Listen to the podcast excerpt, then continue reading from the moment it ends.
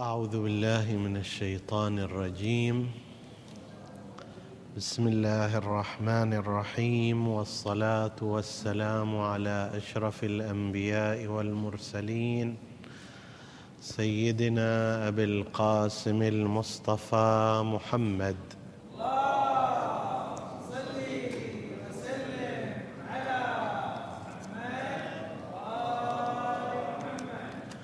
وعلى آل بيته الطيبين الطاهرين المعصومين المكرمين. السلام عليكم أيها الإخوة المؤمنون أيتها الأخوات المؤمنات ورحمة الله وبركاته.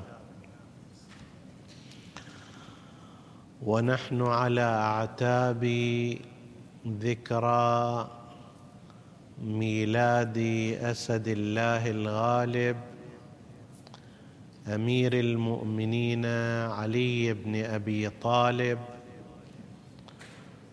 صلوات الله وسلامه عليه. نشير إلى بعض خصائصه مما يستوجب أن يكون خليفة رسول الله صلى الله عليه وآله ووصيا له وقائما بالأمر من بعده. ونستعين هنا بنصين مهمين. النص الأول منسوب إلى الخضر. عليه السلام. والنص الثاني ينسب إلى الإمام الصادق عليه السلام في رأي وإلى الإمام الحجة في رأي آخر. النص الأول نقله ثقة الإسلام محمد بن يعقوب الكليني في كتابه الكافي. وقال في حديث راويا إياه بسند إلى بعض أصحاب رسول الله صلى الله عليه وآله أنه لما توفي شهيدا أمير المؤمنين عليه السلام جاء رجل وقال في وسط الناس رحمك الله يا أبا الحسن. كنت أول القوم إسلاما وأقدمهم إيمانا وأخلصهم إيمانا وأشدهم يقينا وأخوفهم لله وأعظمهم عناء وأحوطهم على رسول الله وآمنهم على أصحابه وأفضلهم مناقب وأكرمهم سوابق وأرفعهم درجة وأقربهم من رسول الله وأشدهم به وأشبههم به هديا وخلقا وسمتا وفعلا وأشرفهم منزلة وأكرمهم عليه فجزاك الله عن الإسلام وعن رسوله وعن المسلمين خيرا. ثم استمر في ذكر فضائل ومناقب ومميزات أمير المؤمنين عليه السلام حتى وصلت في ذلك الموقع إلى ما يقارب من ثمانين صفة وخصلة تفرد بها أمير المؤمنين ولم يشركه فيها غيره. فلما فرغ انصرف فسئل الإمام الحسن المجتبى عليه السلام من هذا الرجل؟ نحن لا نعرفه. فقال إنه الخضر عليه السلام. جاء مؤبنا أمير المؤمنين وذاكرا صفاته ومعرفا به. هذا هو النص الأول. والنص الثاني ما ورد في دعاء الندبة الذي يستحب أن يقرأ في أيام الجمع وأيام الأعياد. دعاء الندبة معروف ومشهور بين الإمامية والندبة تحمل معنى البكاء والتفجع وأيضا تحمل معنى الطلب والانتداب. يقول ندبه يعني طلبه في أمر من الأمور بس مع جانب فيه تفجع وجانب مأساة. والدعاء المشهور دعاء الندبه هو من هذا القبيل فيه تعداد للمآسي. والمصائب التي جرت على أهل البيت عليهم السلام وفيه إظهار للعلاقة مع الإمام الحجة عجل الله فرجه واستغاثة به. من جملة ما يذكر في هذا الدعاء هذا النص في قوله فلما انقضت أيامه يعني رسول الله يعني رسول الله صلى الله عليه وآله أقام وليه علي بن أبي طالب هاديا إذ كان هو المنذر ولكل قوم هاد فقال والملأ أمامه من كنت مولاه فعلي مولاه اللهم وال من والاه وعاد من عاداه وانصر من نصره واخذل من خذله وقال من كنت أنا نبيه فعلي أميره وقال أنا وعلي من شجرة واحدة وسائر الناس من شجر شتى. وأحله محل هارون من موسى فقال أنت مني بمنزله هارون من موسى إلا أنه لا نبي بعدي ثم ساق أيضا هذا الدعاء ما جاء عن رسول الله صلى الله عليه وآله في مناقب أمير المؤمنين عليه السلام في جهتين في أحاديث أوردها بنصها وفي صفات أشار إليها وإن لم يوردها بنص الحديث. ثماني ثمانية أحاديث بنصها أوردها الدعاء وتسع صفات أشار إليها إشارة مثل وزوجه ابنته وسد الأبواب إلا بابه وأحل له من مسجده ما حل له إلى غير ذلك من الصفات. هنا لدينا الملاحظات التالية. الملاحظة الأولى أن هذا النص الذي أثر عن الخضر والذي أيضا صار جزءا من الزيارات.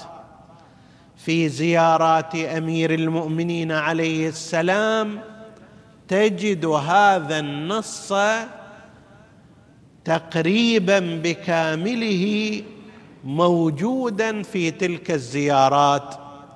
فلو راجعت مثلا كتاب تهذيب الأحكام لشيخ الطائفة الطوسي رضوان الله تعالى عليه في باب زيارات أمير المؤمنين عليه السلام تجد أن هذا النص موجود. السلام عليك يا أول القوم اسلاما وأخلصهم ايمانا وهكذا إلى سائر ذلك النص وإلى باقيه. وورد هذا النص في أكثر من مكان مما يعني التف... ورد في كتاب فقيه من لا يحضره الفقيه في الكافي وفي التهذيب.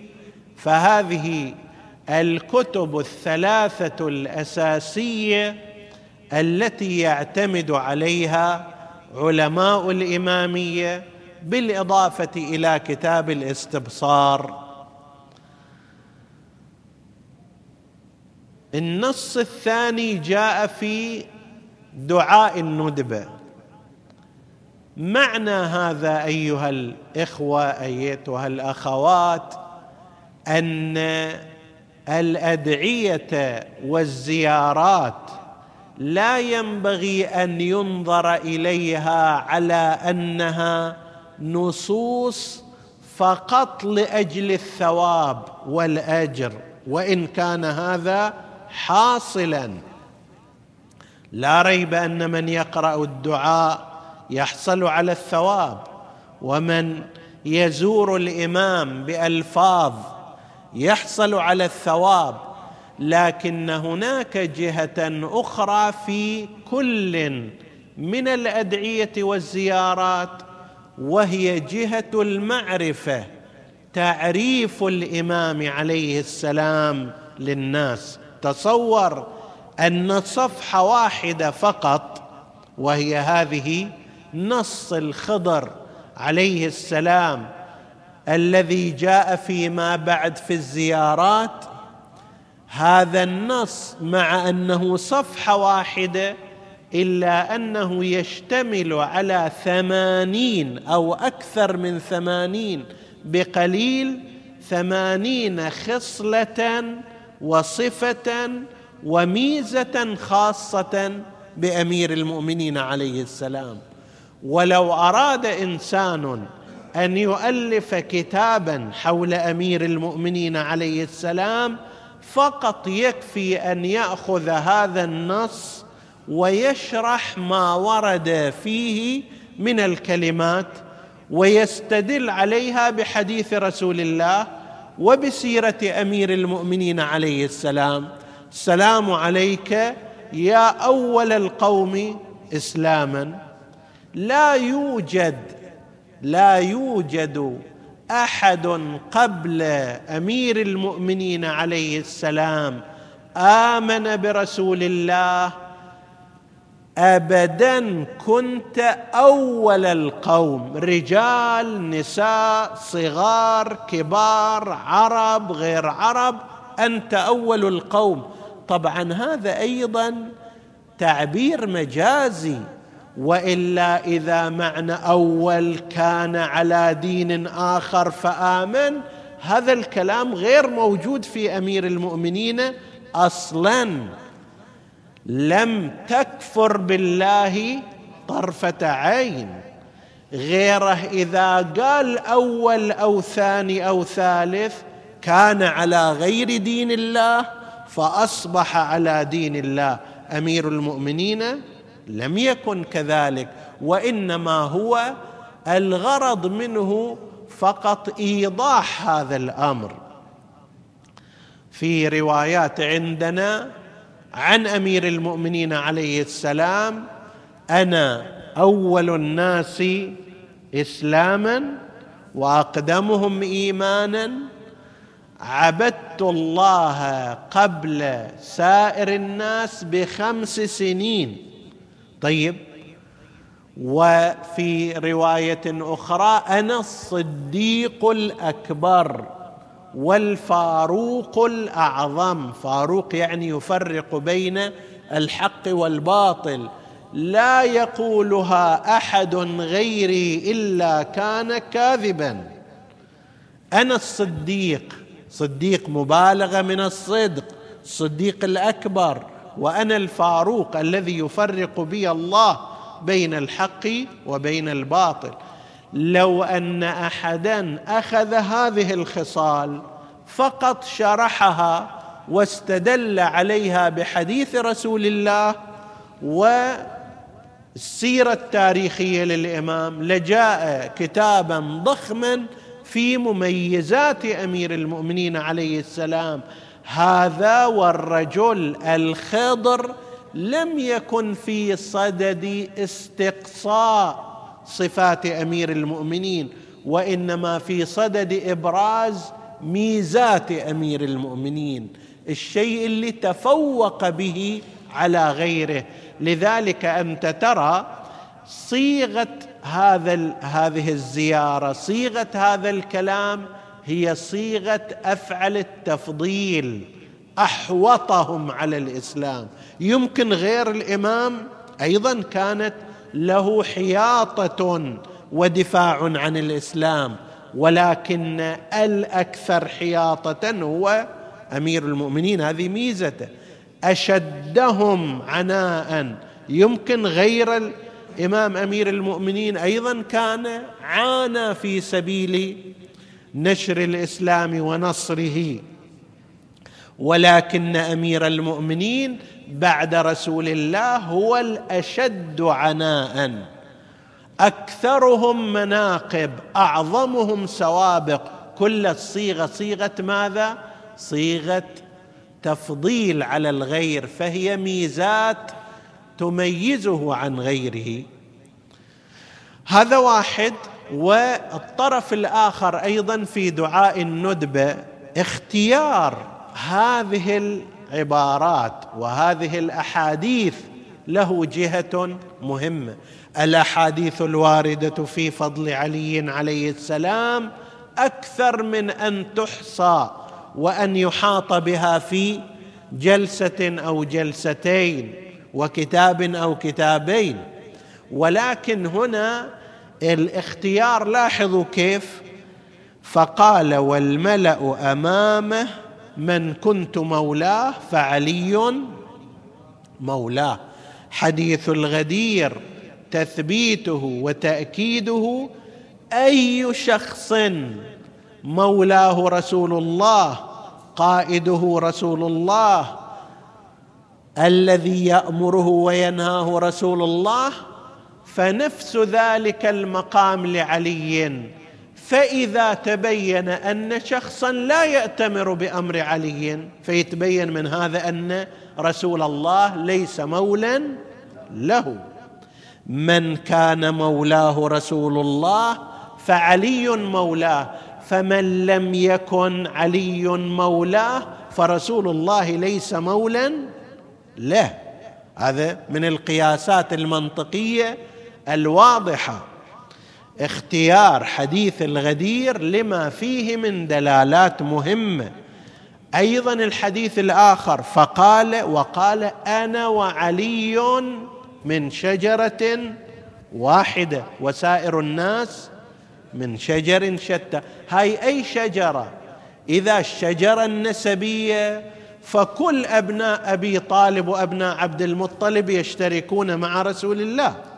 صلى الله عليه وآله. إذا المقصود النسب وإذا المقصود لا. هذه الشجرة التي أنا معه فيها مشتركان هي الشجرة شجرة الهداية. الثمرة التي يعطيها رسول الله هي نفس الثمرة التي يعطيها علي بن أبي طالب لأنهما في شجرة واحدة. نفس الهداية نفس العلم نفس التوجيه نفس الحق من هنا يصدر ومن هنا يصدر. أما إذا كانت شجرتان مختلفتان هذه تعطي ليمون وتلك تعطي حنظل مثلا أو تعطي فاكهة أخرى. لا هذه هي شجرة واحدة وتأويلها الأكبر هنا ليست الشجرة النسبية وإنما الشجره المعنويه ولذلك قال فيما بعد وأحله منه محل هارون من موسى. فقال أنت مني بمنزلة هارون من موسى. ما هي منزلة هارون من موسى؟ يشير إليها القرآن الكريم. بطلب موسى. قال هارون أخي. ماذا يصنع؟ أشدد به أزري وأشركه في أمري. أمر موسى ما هو؟ كان الدعوه إلى الله عز وجل. فهما شريكان. كي نسبحك كثيرا ونذكرك كثيرا. ذاك الوقت قال قد أجيبت دعوتك يا موسى.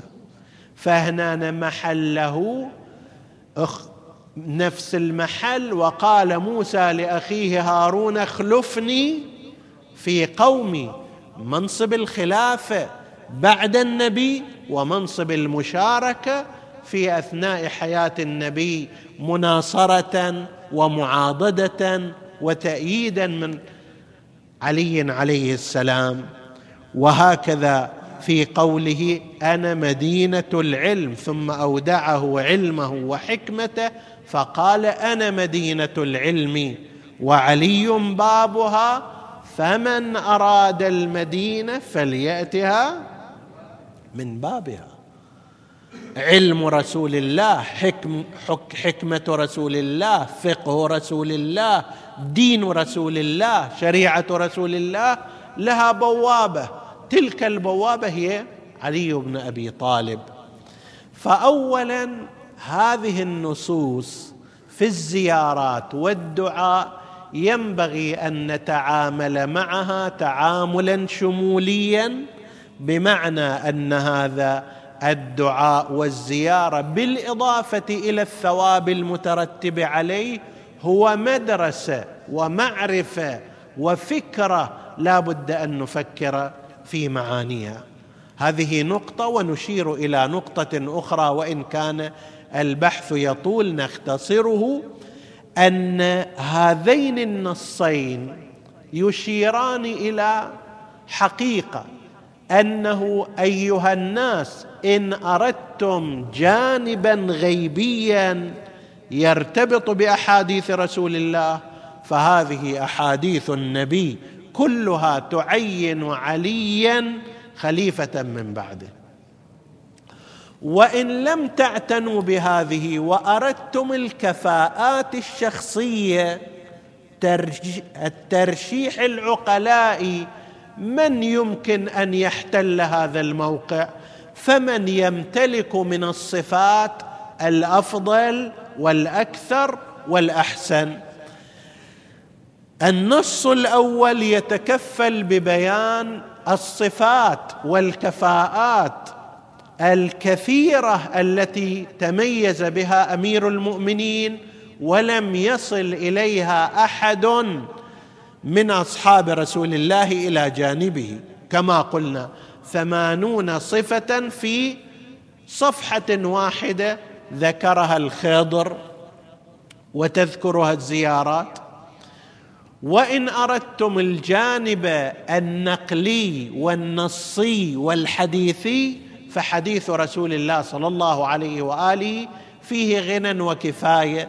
ولو أردنا في مثل هذه الأيام أن نمثل هناك شركة يراد تعيين نائب للمدير لها أو مدير مستقبلي. هذا إما أن يأتي بترشيح وتنصيص من مالك الشركة يقول فلان هو نائب المدير أو هو المدير المستقبلي إما هكذا وإما لو لم يكن هذا فينظر أكفأ الناس في إدارة هذه الشركة وأفضلهم في الصفات فهذا يكون ترشيحا طبيعيا له. اجتمع الأمران في علي بن أبي طالب عليه السلام فمن جهة صفاته الشخصية ميزاته سيرته كانت تحمل التفوق والكفاءة والاستثنائية بالنسبة إلى سائر الأصحاب حتى قال بعض أعلام مدرسة الخلفاء أنه اجتمع لعلي بن أبي طالب من الفضائل والمناقب بالأسانيد الصحيحة ما لم يجتمع لصحابة رسول الله صلى الله عليه وآله. يعني مو نقيسه واحد بواحد وإنما نقيسه بمجموعهم يرجح عليهم علي بن أبي طالب. هذا في صفاته. هو صاحب لا فتى إلا علي وأمثال ذلك في جهاده ومناقبه وهو أيضا صاحب هذه الأحاديث التي ذكرها رسول الله صلى الله عليه وآله. نسأل الله سبحانه وتعالى أن يزيدنا بإمامنا معرفة وأن يكرمنا بشدة الانتماء والمحبة إليه. وأن ينفعنا بشفاعته ويحشرنا في زمرته إنه على كل شيء قدير. وصلى الله على سيدنا محمد وآله الطاهرين.